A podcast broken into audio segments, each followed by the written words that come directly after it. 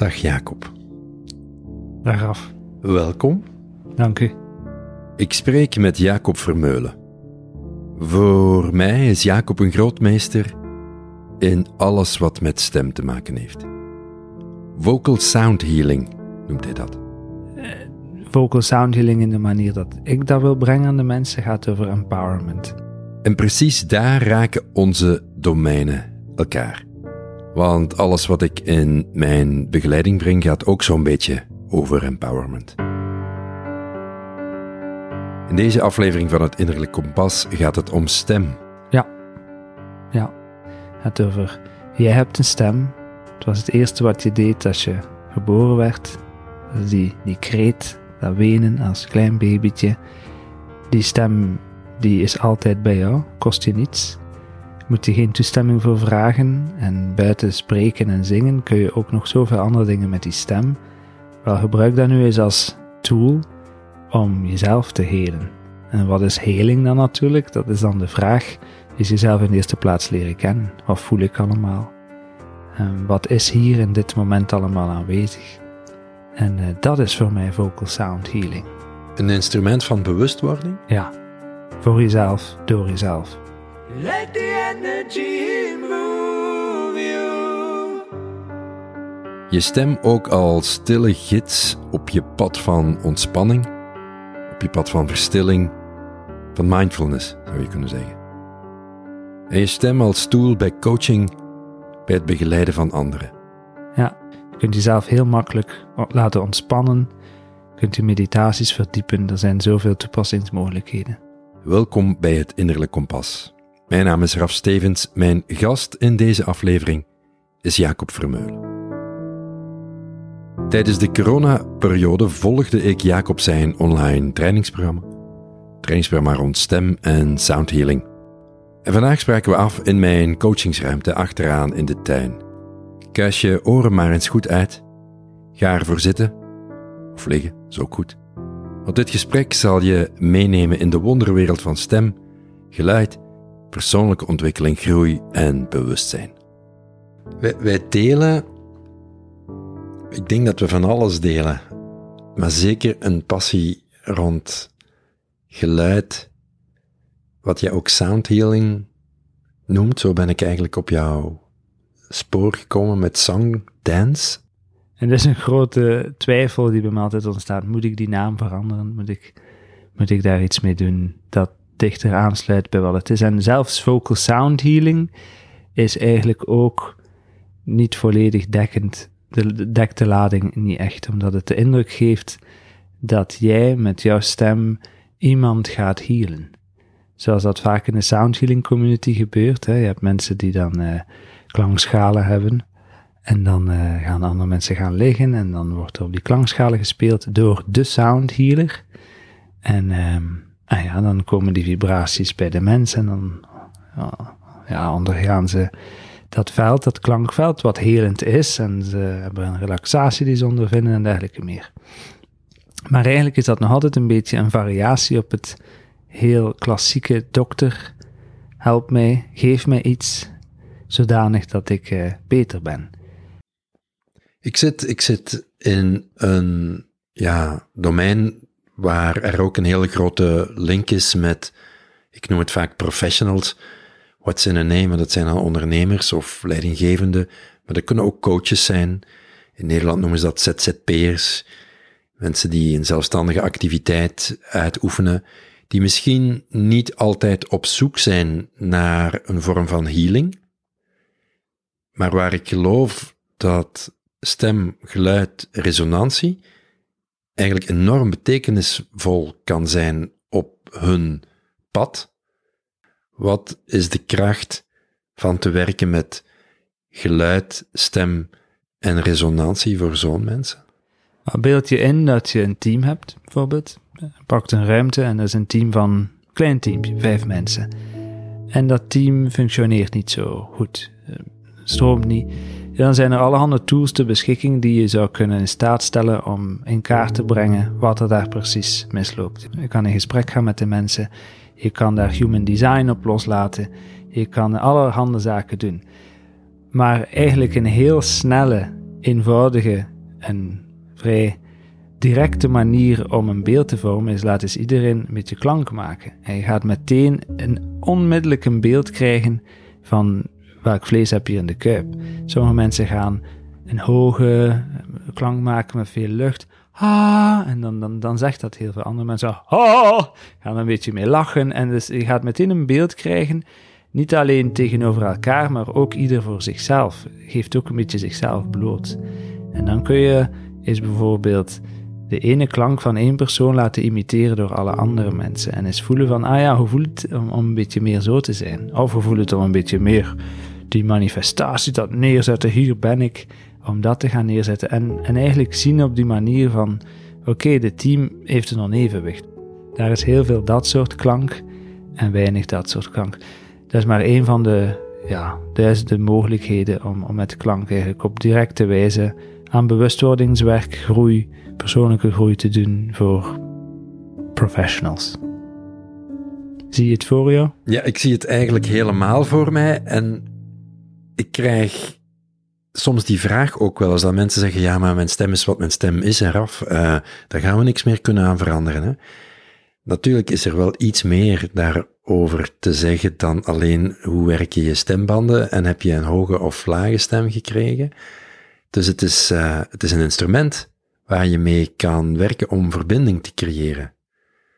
Ja, beetje kip en het ei. Dus um, de stem van de mensen is, uh, heeft sowieso een aangeboren element. Net zoals je fysiek je lichaam, maar iedereen zal meteen uh, akkoord zijn met het feit dat als iemand een gesloten hart heeft, dat de kans groot is dat de schouders een beetje naar binnen gaan gebogen zijn, dat die letterlijk dat die hartplek een beetje gaat beschermen, een beetje gaat afschermen, dat je dat fysiek gaat zien. Is die daarmee aangeboren? Nee. Dat is, uh, dat is zo geworden door omstandigheden in het leven. En als die persoon effectief daar rond gaat werken, gaat dat lichaam zich ook gaan aanpassen. Soms duurt dat meerdere jaren, want het lichaam is traag.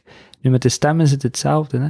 Dus je hebt een aangeboren stem en dan gaat die zich toch weer gaan vormen afhankelijk van je ervaringen, je, je story, wat je allemaal meemaakt. En kan die zich ook transformeren als je daar rond gaat werken. Ik heb het zelf meegemaakt in mijn leven, dat mijn stem veelmaal, vele malen verdiept is en verzacht en veel meer um, rijkdom heeft gekregen in de hoogte en in de laagte.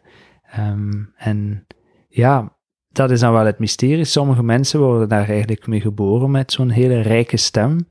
En andere mensen moeten daar heel hard voor uh, uh, ja, naar binnen gaan om eigenlijk die rijkdom te ontginnen. Ja, en mensen geven mij wel alles terug van ja, jij hebt een diepe stem, Raf, en voor jou is het gemakkelijk. Maar het is meer dan wat er van nature aan mij gegeven is. Het is ook bewustwording van hoe je met je stem omgaat.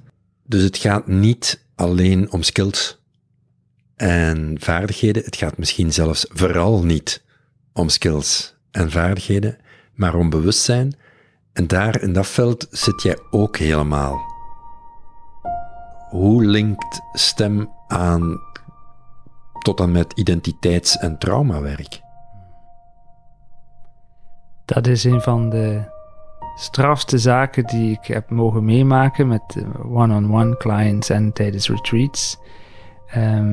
Eén specifieke anekdote die, die terugkomt uh, is dat we aan het experimenteren waren met mensen die klank aan het maken waren voor een, bepaald, voor een bepaalde pijn. En wij wisten niet, het waren twee mensen, ik en nog iemand anders, wat het verhaal daarachter was. En hoewel ik niet geloof dat je letterlijk een verhaal kunt horen uit een klank, kun je er wel de archetypes uithalen. Die archetypes zijn als het ware geëncodeerd in die klank. Ik vergelijk het soms met een bootje die, die vaart op een rivier en, en dus die klank is eigenlijk het bootje en dan in het bootje zit de informatie en via die klank komt die naar buiten. En door een combinatie van het letterlijke horen van de klankfrequenties, maar ook, en nu komen we op een terrein waarin er nog, ik hoop, heel veel onderzoek mag gebeuren, want het is mijn eigen ervaring, ik kan dat niet hard maken. combinatie van intuïtie en aanvoelingsvermogen, kun je dat vertalen en kun je die archetypes eigenlijk aanvoelen. Sommige mensen krijgen het binnen, zien het, anderen is het meer een gevoel en dat dan weer ook moet vertaald worden. Dus andere mensen horen extra zaken. En bij mij komt dan eigenlijk vrij holistisch informatie door over, ja, over die persoon. En wat zo leuk was, en dat maakt die ene anekdote zo mooi, is dat ik was er dan toen met iemand anders die ook heel gevoelig was. En daarna hebben wij alle twee aan elkaar gedeeld wat wij binnenkregen. En dat was exact hetzelfde. En wij kennen die persoon niet. Dus dat was een heel mooie bevestiging. Niet dat ik die bevestiging nodig heb, want ondertussen heb ik al zoveel tientallen keren dat meegemaakt, dat ik persoonlijk geen bevestiging meer nodig heb. Maar misschien voor mensen die dit horen is het wel fijn om, om dan te zien, oké, dat was twee keer hetzelfde. Bijzonder. Ja, en dat doet mij denken aan. ehm, ik heb zo'n filmpje van jou gezien, daar ga ik zo meteen iets ehm, over vertellen. Waar jij piano speelde. En dat is een heel oud filmpje, maar dat is toen ik zelf met Songdance aan de slag ben gegaan. Ben ik zo even gaan opzoeken wie is die Jacob eigenlijk. En dan stoot je op van alles eh, waar je piano zit te spelen in het Centraal Station, denk ik. Eh, en wat klanken zit te maken. Op een of andere manier raakte het voor mij ook de essentie van waarom ik met Songdance ben gaan doen. Hoe kan ik aan die plek in mij en hoe kan geluid mij helpen om dat wat ik te vertellen heb op een rakende manier naar buiten te brengen. Dan zitten we heel ver naar mijn gevoel van skills. Hoe hard is de Jacob geëvalueerd sinds die sessie, en ik weet niet hoe oud die is, waar je zat met jouw piano in een wilde, intuïtieve sessie, klanken makend en mensen applaudisserend. Staat op YouTube, mensen, zoek het op. Hoe hard is die Jacob dezelfde en hoe hard is die veranderd? Super vraag, ja. Dat is Brussel Zuid. Dat was een moment, ik ga het nooit vergeten, totaal onverwacht. Ik was in Brussel, ik zag die piano daar staan. Hoe oud was je toen? Zou, oef, zou, och, zou kunnen dat 2016 is of zo. Ehm, ik zag die piano daar staan en ik wist, nu ga ik iets brengen. En ik heb daar de eerste, de beste, mijn gsm in de handen geduwd en gevraagd, kun jij dat hier even filmen? En die eh, was, en zo gaat het dan op zo'n moment, en dat was dan toevallig iemand die er wel mee overweg kon. Die zei me achteraf dat hij, dacht ik, zelfs cameraman was of zo. Dat was echt zo wel grappig. En, ehm, en ik voelde gewoon, nu wil ik iets brengen dat, dat, eh, dat van diep komt, maar dat ook wel op zo'n plek ergens de mensen kan capteren. Als je zo, ja, dan, dan lopen ze rustig naar een trein. Dus die, die twee elementen waren er. Ik ga iets diep van mezelf brengen, maar ook een weten van wat op deze plek momenteel het juiste is om de mensen te pakken en te betrekken in, in de creatie. En ehm, ik moet zeggen, die Jacob heb ik al lang niet meer tegengekomen.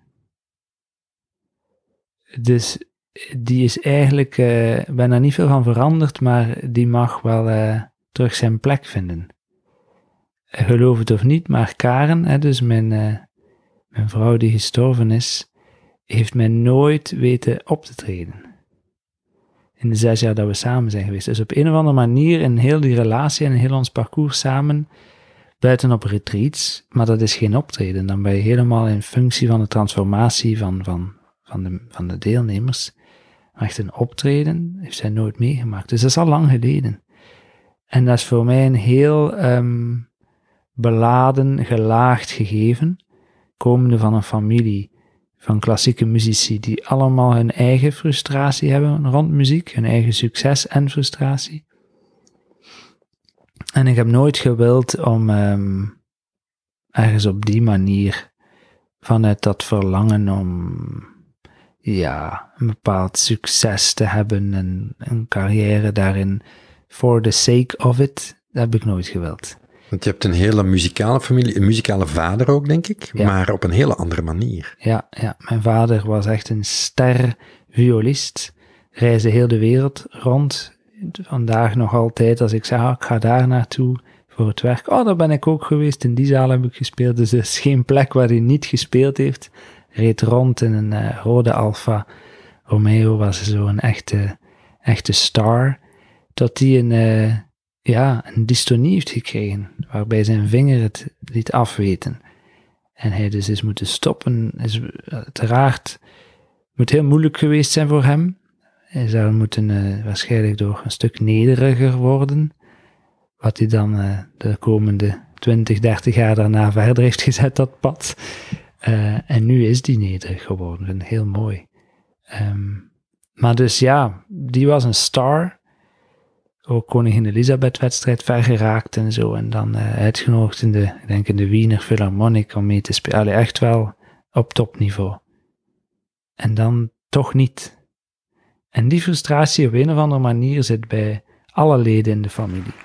Mijn onkel is eh, Erik Vermeulen. Alle jazzmuzikanten van België gaan zeggen hij is een van de beste jazzmuzikanten. Maar alleen de muzikanten kennen hem. Het publiek weinig mensen. Dus, eh, en mijn andere onkel, ook een pianist, ehm, ja, heeft nu ook een dystonie gekregen. Dus daar zit ergens een soort zelfsaboterend mechanisme in. En ik heb nooit zelf willen die stap zetten om, ja, omdat ik zoiets heb van nee, ni- niet op die manier. Ik weet ook nog altijd niet op welke manier wel. De manier die ik tot nu toe dan heb eh, gevonden was via, via Songdance, via het meer eh, zelfontwikkelingstraject muziek maken in functie van, van de mensen. Eh, vaak heel, heel eenvoudig, zodanig dat, dat mensen met heel weinig muzikaal gevoel toch echt kunnen meedoen en meegenieten. Ik zag ook in mijnzelfde search op YouTube een filmpje waar je wel ergens in een bar optreden met piano en ja, vocal sounds die niet zingen waren, maar intuïtief geluid maken. Ik was daar erg door onder de indruk en, en geraakt. Ehm, wanneer is de healing kant erbij gekomen? Heb je het gevoel, die was er eigenlijk altijd, maar die had geen plek in die bar daar in Gent of waar dan ook? Of is die later verschenen? Klopt, hè, dat had geen plek daar in die bar in Gent. Hè, en, en, en het niet kunnen vinden van, ehm, Maar die was er wel dan. die was er zeker. Die was er in mij. En daarom ben ik ook met die vorm gestopt. En die is begonnen, die healing, of dat zelfontwikkelingspad, als mensen zijn beginnen, ben beginnen zangateliers geven, zanglessen. En al heel snel tot de conclusie gekomen dat het veel interessanter is om te kijken waarom iemand klinkt zoals die klinkt, dan dat ik hen ga leren hoe ze via techniek anders kunnen gaan klinken. Dat interesseerde mij niet dat, dat interesseerde mij totaal niet. Niet voor mezelf, niet voor hen. En dan al heel snel erop uitgekomen, ah ja, dat heeft alles te maken met emoties, met mindset, met, eh, met verleden, met een, een, hun story. It's the last star of the night, spreading its light. Don't be afraid, it's the morning, it's the last star of the night. Ik hoop dat als mensen hier naar luisteren, ze zien dat dit niks met zingen te maken heeft, maar dat via het oefenen, het bewust oefenen en het bewust worden, er heel veel winst te halen is. En daarom ben ik blij dat je hier bent. Want ik zie jou daarin als, ehm, ja, als een grootmeester.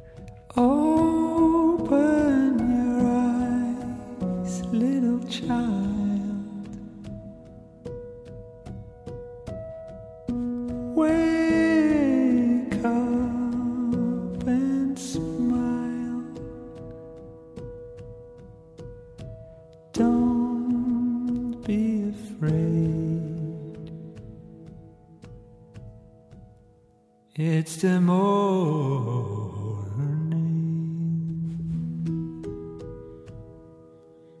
Wil je iets vertellen over jou, over Karen? Hmm. Ehm, ik voel dat zij hier een plek in heeft. Is het goed voor jou om daar even Ja, dat is zeer goed, zeer in goed. te gaan? Zeer goed, met, met veel... Ja, Want ze is nog niet zo heel lang geleden overleden. nee. Dus het is ook vers. Ik, eh, ik weet dat er met de, de jaren diepere inzichten zullen komen. Maar for what it's worth, dit is wat er eh, nu van inzichten is. En als je zegt dan het grootmeester, dan denk ik dat Karen in het klank maken, niet noodzakelijk in over vertellen of andere mensen ertoe begeleiden om het ook te doen, maar puur in, in het lichtend voorbeeld zijn dat zij de ware grootmeester was. Ehm, ik heb dat van haar geleerd. Zij heeft mij geopend tot welke diepgang van emotionele expressie een mens in staat is. En dan bedoel ik volledig verhaalloos emotie ten berde brengen. Expressie geven aan pure emotie zonder story content. En dat is ongelooflijk. Zij had de capaciteit om het verdriet van de wereld klank te geven, zonder daar één seconde in attachment of, of ehm, zonder dat te grijpen, zonder dat vast te houden. Dat kon gewoon stromen. En dan was zij klaar en dan gingen we lekker hapje eten. Dus ik heb de lichtheid van zware emoties mogen zien. En dat is iets dat, eh, ja, dat is zo'n geschenk. Hoe is het op haar pad gekomen? Zij had het. Zij was het. Zij had het, ja. Zij had eigenlijk. Wat eh, je niet verwacht, want zij had een heel klassieke opleiding chemicus. Ja. Zeg je dat juist? Ja, microbiologie. Microchemie, sorry. Ja. Ja. Ze heeft er ook acht jaar gewerkt in eh, de farmaceutische industrie, maar, maar ja, haar pad lag absoluut elders, waar zij langzaam achter gekomen is. En dat was ook haar grote struggle. Ehm, ja, die zij ook niet echt heeft kunnen afronden. Eh, zij was daarin op weg.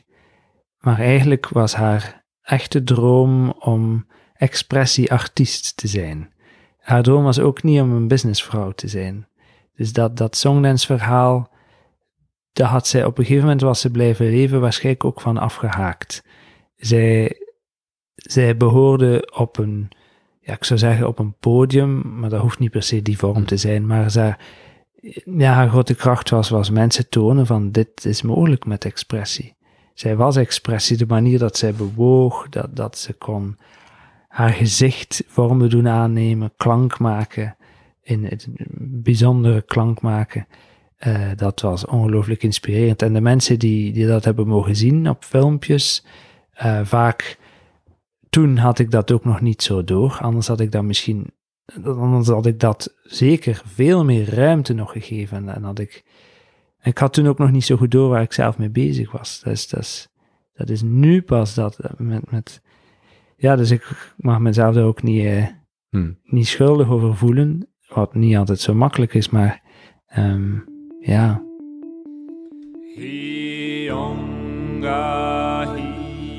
Ja, hoe we het precies gedaan hebben, eh, het is mij eigenlijk een raadsel. Want Karen was zwaar revaliderende Van? van haar hersentumor. Ja, zij eh, was geopereerd geweest. Zij kon toen ja, had nog heel weinig energie eh, voor, voor, eh, voor wat dan ook te doen. Volgde ook nog een jaar een chemokuur, waarbij we iedere maand moesten terug naar de kliniek gaan.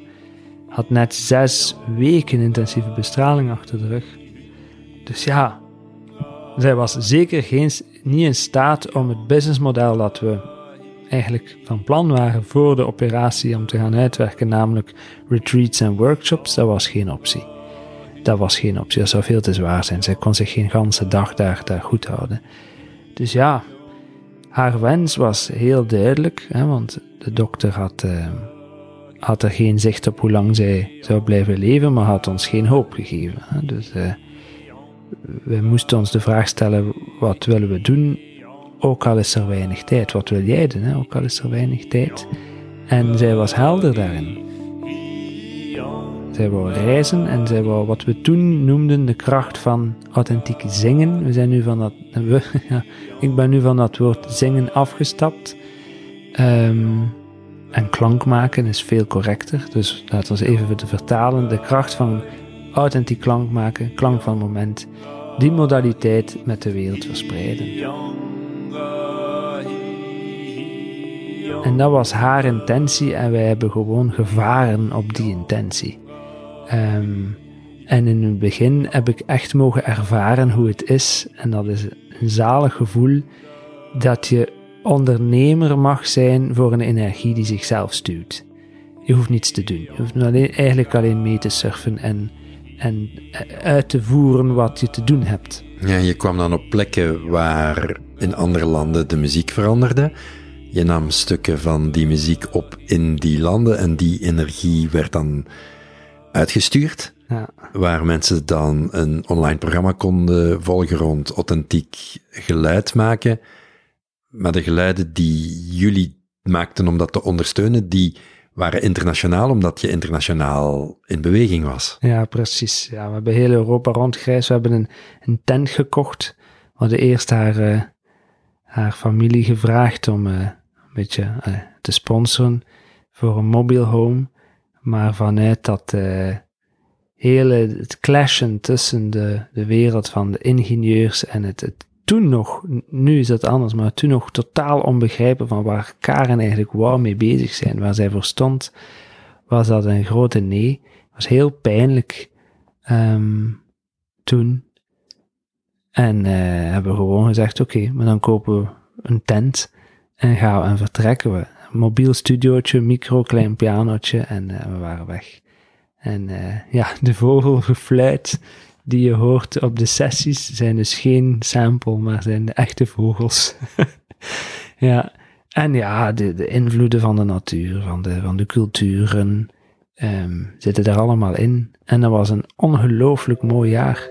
We leefden op, op wolken, ja.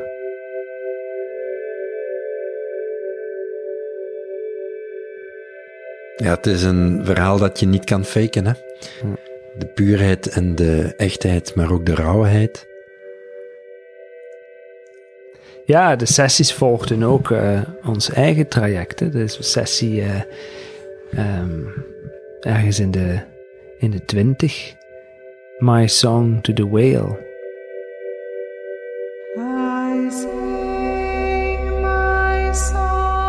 Ja, op een gegeven moment was Karen... We waren toen op La Gomera, het eiland. En ehm, de, Karen had heel veel schrik om te sterven toen. Dat kwam plots heel intens naar boven. Onze buur toen, eh, in het huisje waar we zaten... Dat was een vrouw die haar man net had verloren aan kanker. Dus dat was daar een en al rond die, die zaak. En die vrouw speelde toevallig blokfluit. Ehm, en ze was met een vriendin en die speelde ook blokfluit. Dus de- die hebben dan blokfluit ingespeeld op die track. En dan eh, zijn we met een bootje gaan varen, hebben we effectief walvisjes tegengekomen. En, dus, en dan die song, My Song to the Whale, waarin Karen zingt eh, I'm scared to die. En, en, en die klanken van die walvis ook daarin. I sing my song to the waves. Ja, dat zijn sessies die... Dat is, daar, daar zit zo'n diepgang in, zo'n waarheid. Dat maak je niet twee keer.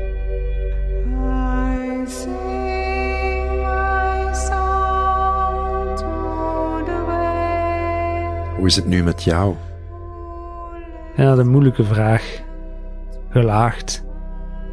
Ja.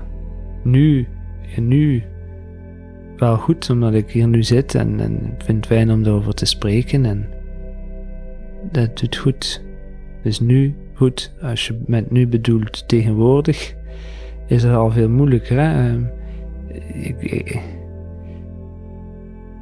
kijk, de, de waarheid is dat dat eh, Karens dood was keihard. Ehm, ook het aftakelingsproces was keihard. Ik wens het niemand toe. Omdat je, je neemt verschillende keren afscheid. Tijdens het aftakelingsproces is, is die is die persoon niet meer de Karen die je, die ervoor kende. Dat is echt al een ander iemand. Je komt volledig in de zorgrol terecht. Dus waar ik sowieso eigenlijk vier jaar lang heb ingezeten, maar in veel mindere mate.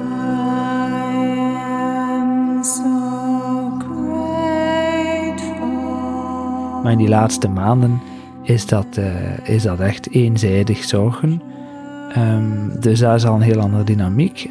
En dan effectief het, tot, het, tot het bittere einde. Um, en ondanks al uh, hoe hard het is, heeft het zoveel schoonheid. Een schoonheid die, uh, ja, die van een andere orde is, dat je eigenlijk niet kunt, kunt uitleggen. Mensen gaan dat misschien moeilijk begrijpen die dat niet hebben meegemaakt, maar ja, een geboorte is, is heel mooi, omdat het enerzijds uiteraard nieuw leven is en iedereen is blij, maar ook omdat het gewoon magisch is, hè, dat er een wezen daar plots is. Wel, de dood is, eigenlijk, ja, er is plots een wezen die niet meer is. Um, maar net zoals voor de geboorte dat wezen er toch ook al is, is ook na de dood het wezen daar ook nog. Um, en hoe dat dat gebeurt, Um, zowel bij geboorte is er heel veel te doen, de doula's en de, alternatieve scene daar rond. Het kan zo mooi zijn in geboorte. Was Karen haar dood ongelooflijk mooi. Er zijn daar toevalligheden, niet toevalligheden gebeurd, waardoor het eigenlijk zo was dat een uur nadat zij gestorven is, dat er 16 mensen waren. Dat is zo door het leven ons gegund geweest. Dus er was echt een community uh, die nadat haar mama haar helpen wassen heeft, we hebben haar naar beneden gedragen in een linnen doek. En, en de mensen waren er. Een paar mensen van zongen een paar goede vrienden, familie. Uh, we hebben klank gemaakt, we hebben gezongen. Dan heeft ze daar drie dagen in een kist in de living gelegen. Een hele mooie kist. Karen hield van schoonheid, esthetiek en het was prachtig. En hebben er drie dagen, drie nachten gewaakt. En ja, dat is van een schoonheid van een andere orde. Hoe dat pijn en schoonheid niet eh, uitsluitend hoeven te zijn. Heb mogen meemaken en ook dat is een ervaring dat ik voel dat ook een geschenk is van Karen. En dus hoe is het nu met mij? Ja, het is allemaal aan het nawerken. Aan het, aan het, aan het niet uitdijnen, maar voortdijnen. Er is een storm geweest en nu heb je nog die golven.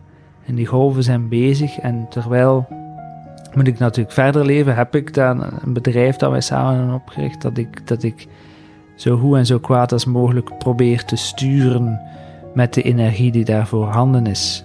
Um, heb ik ook uh, mijn eigen zielenverlangens, die er ook al waren tijdens de relatie met elkaar, waarin ik voelde van ja, sommige van die verlangens gaan niet gaan samen met elkaar, want dat is niet iets wat zij samen met mij wil doen. Dat is niet wat zij wil doen met haar leven. Uh, dus in dat opzicht, raar, raar gezegd, is er ook weer een ruimte aan het komen. Dus al die dingen samen. Ja. En het verlies is het verlies, daar kan je niets mee doen buiten het ondergaan. En dat heeft zijn eigen uh, manier om zich aan te melden. Dank u om het te delen.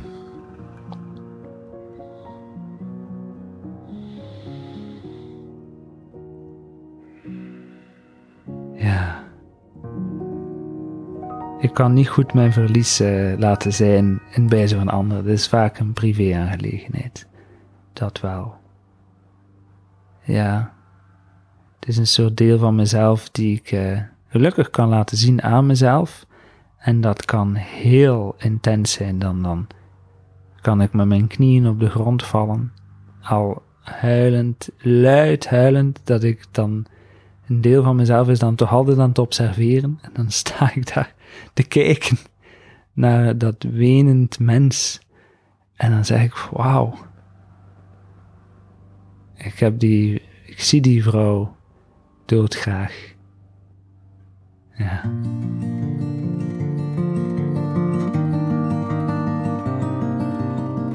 Wat is jouw verlangen op de weg vooruit? Waar verlang je naar?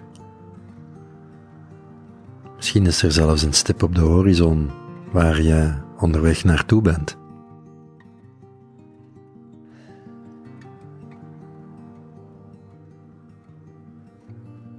Ja, ik, verschiet van mezelf eigenlijk dat ik eh, dat nu zeg. Maar eigenlijk toch wel naar een, eh, naar gezin. Ik, wist dat eigenlijk niet. Dat dat gezinsverlangen was er niet met Karen. Vermoed omdat dat ook niet in de kaarten zat. We hebben nooit, kinderen waren zelfs geen optie. Dat was, ja, tijdens dat ze ziek was, is dat, zou dat ook vrij onverantwoord geweest zijn, maar dat was ook daarvoor geen optie. En, en de, goh, heel de relatie met Karen stond echt in het teken van heel, een aantal heel specifieke zaken. Er was eigenlijk heel weinig ruimte voor andere zaken. Ons leven was heel gedefinieerd. Ik denk omdat we ook voelden van er is weinig tijd, dus we moeten er het maximum uit persen. En dat hebben we ook gedaan. Dat hebben we ook gedaan. Want je vroeg uh, een stuk voordat we de opname begonnen, omdat je langs de living passeerde hier bij me thuis en twee van mijn kinderen aanwezig uh, waren, zei je, Raf, hoe oud was je bij de geboorte van je eerste zoon? Ja, ik weet het. Goed opgemerkt, ja. Ik zei 30.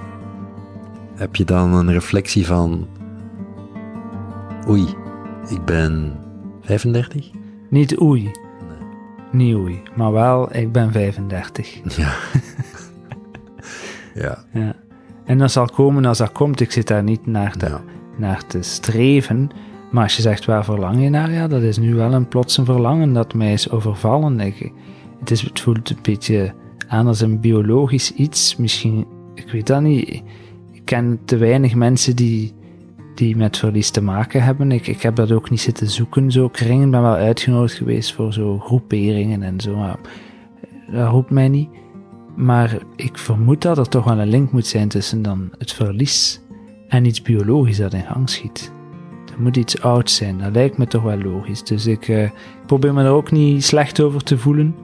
Ehm, ja. Hm. En dat is één verlangen. En daarnaast is er, is er een, een dieper verlangen, die minder nu is dan wel al heel lang, al sinds klein kindje.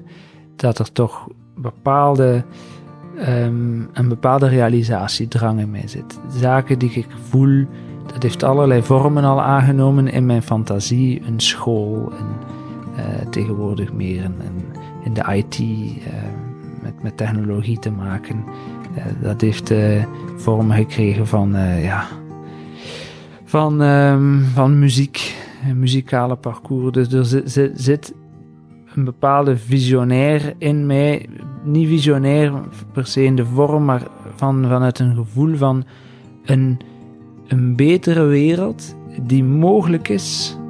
En dan bedoel ik niet per se across the board voor iedereen, maar toch bepaalde tools aan te brengen, bepaalde tools te realiseren, ehm, ja, die mogen dienen. Hoe mag Songdance evalueren voor jou? Het voordeel is dat je het zelf mag doen, dus. Think big, feel free. Ja. Ik ben een samenwerker. En eh, voorlopig, hoe dat ik mij nu voel, ga ik daar heel rustig aan doen. Retreats ik wil een aantal retreats geven die echt ervaringen bieden. Die iets bieden dat, dat mensen eh, nog niet hebben meegemaakt. Dus niet eh, de typische retreat op een, eh, in een centrum. Dat heb ik een aantal jaar gedaan, is heel fijn, maar nu echt ervaringen. Je sprak van Zuid-Afrika. Zuid-Afrika in Kruger National Park. Hoe gaat dat dan in jouw verbeelding? In mijn verbeelding, dat is eigenlijk al vrij af in mijn verbeelding. Dus eh, het heeft natuurlijk ook te maken dat, dat we een partner hebben met Songdance in Zuid-Afrika. En zij heeft net een concessie gekregen waarbij ze mag ehm, iets doen wat tot nu toe niet gedaan is in Kruger. En dat is namelijk een tented camp opzetten, eh, helemaal in the heart of Kruger. Dus niet in een vaste structuur, maar in een mobiele structuur, die daar maar een aantal maanden per jaar mag staan. Er zijn rigoureuze eh, dossiers voor moeten ingediend worden om onderzoeken naar eh, impact toe in en zo in Kruger Park. En dus op een riverbed ehm, staat dat kamp met de tenten. Dat is wel luxueus, die tenten, hè, omdat natuurlijk het publiek dat daarnaar komt, heeft toch een zekere verwachting. En wat ik daar vooral zie, is de, en dat is iets wat anders heel weinig gebeurt in Kruger, alles is met jeeps, maar ik vind het zo afstandelijk. Daar gaan we met rangers op walking safari, dus te voet. Uh, wat een heel ander gegeven is natuurlijk, gezien het feit dat je daar iedere dag leeuwen tegenkomt en uh, dat dat nu niet eenmaal uh, toch wel geen katjes zijn. Maar om dan zo dicht te komen te voet, zal de mensen automatisch, vermoed ik, zo zie ik dat toch, in een, in een tribal reflex brengen. Naar verbinding met elkaar toe, naar vertrouwen, naar ook hoe ze zich gaan. Want in een jeep ben je nog altijd de westerling die daar een beetje rond gaat rijden. Hè? Dan ben je de toerist. Maar als je daar wandelt, dan ben je mogelijk een maaltijd voor die leeuw. Kan je niet van onder. En dan, dan, dan komt er een andere dynamiek, denk ik. En als we dan gaan klanken maken en als we dan, ja, dan denk ik dat we toch in een ervaring zitten van een andere dimensie.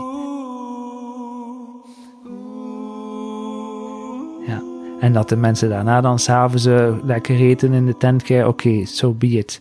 Daar hoort dan bij ook het kostenplaatje, dat, dat is dan één pakket.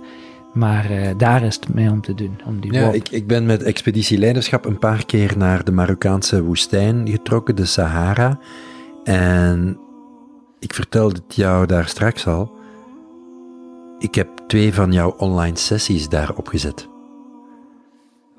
Dus jij was er een beetje bij zonder dat je het wist. En dat was fantastisch. Omdat het uh, instinctieve ja, gevoel, brein, het buikgevoel, zo werd aangesproken als je echt vijf dagen, vijf nachten in de woestijn zit. Dus ik kan mij meteen iets voorstellen in het Krugerpark. Gaat het er zeker komen? We, we zijn het al, of zouden we bespreken? Het, het gaat er zeker Het gaat er komen. Ik heb vandaag nog gebeld met Lista, de dame Ja. daar in Zuid-Afrika. Want ik voel dat we mensen gaan enthousiast maken. En Ja, denk ik, maar wacht, het, gaat gaat, doorgaan. Het gaat doorgaan. Het zal doorgaan in eh, ja, april of mei volgend jaar. Ik ga je bedanken voor het gesprek. Oké? Ik heb het gevoel dat een vervolg zich opdient. Oké. Oké. Misschien moeten we links en rechts wat vocal sounds toevoegen die van jou zijn. Hmm. En het gesprek zo integraal mogelijk behouden. Hmm. En tegen de mensen zeggen: Watch for the sequel. En als dit je interesseert, dit was de trailer. Ik denk meer nog dan over te vertellen, valt er vooral veel te beleven. Dus als het één vervolg zou mogen zijn, is mijn wens dat de mensen die nu luisteren en die zeggen, hmm, dat intrigeert mij, die op een of andere manier de mogelijkheid kunnen komen van het te ervaren. Zij het in een workshop, een retreat of via Ja. een online programma, maar eh, Rijk uit, zou ik zeggen. Waar vinden mensen jou? songdance.co. En hoe fijn zou het zijn in mijn verlangen en dromen dat wij zeggen, ook binnen de community die mij kent, kom maar af. En Jacob zal er ook zijn. En we weten niet precies wat we gaan doen, maar het gaat transformerend en plezant zijn. Dat is zeker. Voilà, kom maar af. Kom maar af. Yes. Je bent welkom.